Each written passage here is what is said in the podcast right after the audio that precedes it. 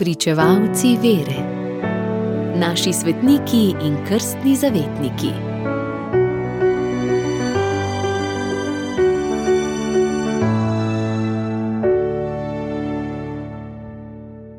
Danes goduje sveti Beno, Benon, škof, apostol lužiških Srbov. Lužiški Srbi so slovanski narod v Srednji Evropi, ki je prvotno živel na ozemlju med reko Zalo, pritokom Labe in reko Spre.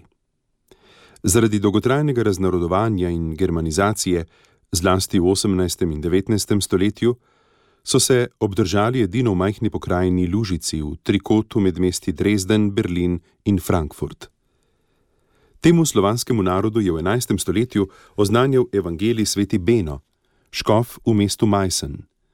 Njemu so se dali mnogi krstiti in tako si je pridobil ime apostol lužiških Srbov. Rodil se je leta 1010 v saški plemiški družini v Hildesheimu, že pri petih letih pa so ga starši izročili vzgoji sorodniku, škofu v Hildesheimu. Ogrel se je za meniško življenje, vstopil v samostan svetega Mihaela v rojstnem mestu. Nadarjenega mladeniča so predstojniki poslali na univerzo v Pariz.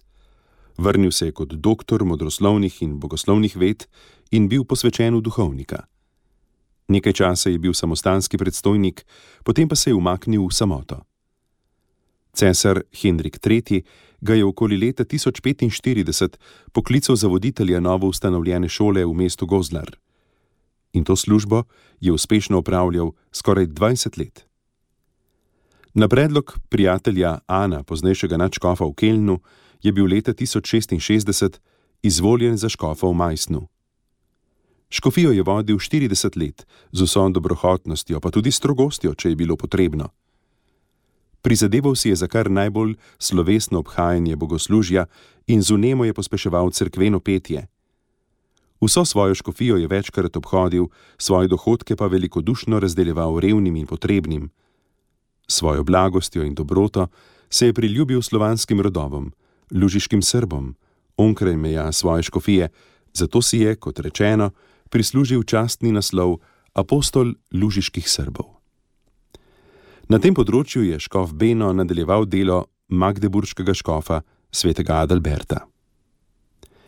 Kmalu po izvolitvi papeža Gregorja VII. je nastopil investiturni boj med papežem in nemškim cesarjem Hendrikom IV. glede podeljevanja crkvenih služb.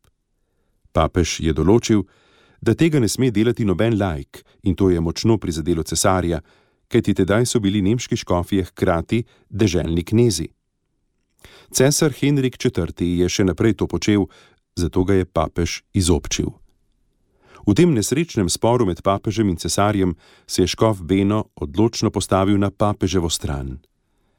Cesar ga je skušal pridobiti zase z obljubami, ko pa to ni pomagalo, ga je z grožnjami in omejitvijo svobode hotel omajati, vendar je ostal trden. V svetnih in državnih zadevah je ostal zvest cesarju. Ker pa je cesar očitno posegal v pravice cerkve, je ustrajal na svojem stališču. Da bi se izognil cesarjevemu maščevanju, se je za nekaj časa umaknil v Rim in šele po mnogih letih pregnanstva je leta 1088 prišlo do sprave med cesarjem in škofom. Ko se je vrnil v svojo škofijo, sta ga ljudstvo in duhovščina zmagoslavno sprejela. Zadnje leta življenja se je sveti Beno večkrat umaknil v samostansko samoto in se pripravljal na slovo z tega sveta. Upodabljajo ga kot škofa z ribo, ki ima v gobcu šop ključev. Po legendi, da so v trebuhu ribe, s katero so mu postregli ob vrnitvi iz pregnanstva, našli ključe stolne cerkve, ki so jih bili protestanti vrgli v reko Labo.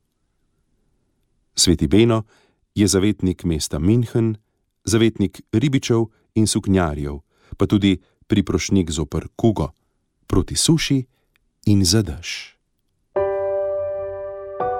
Radio Ognišče, vaš duhovni sopotnik.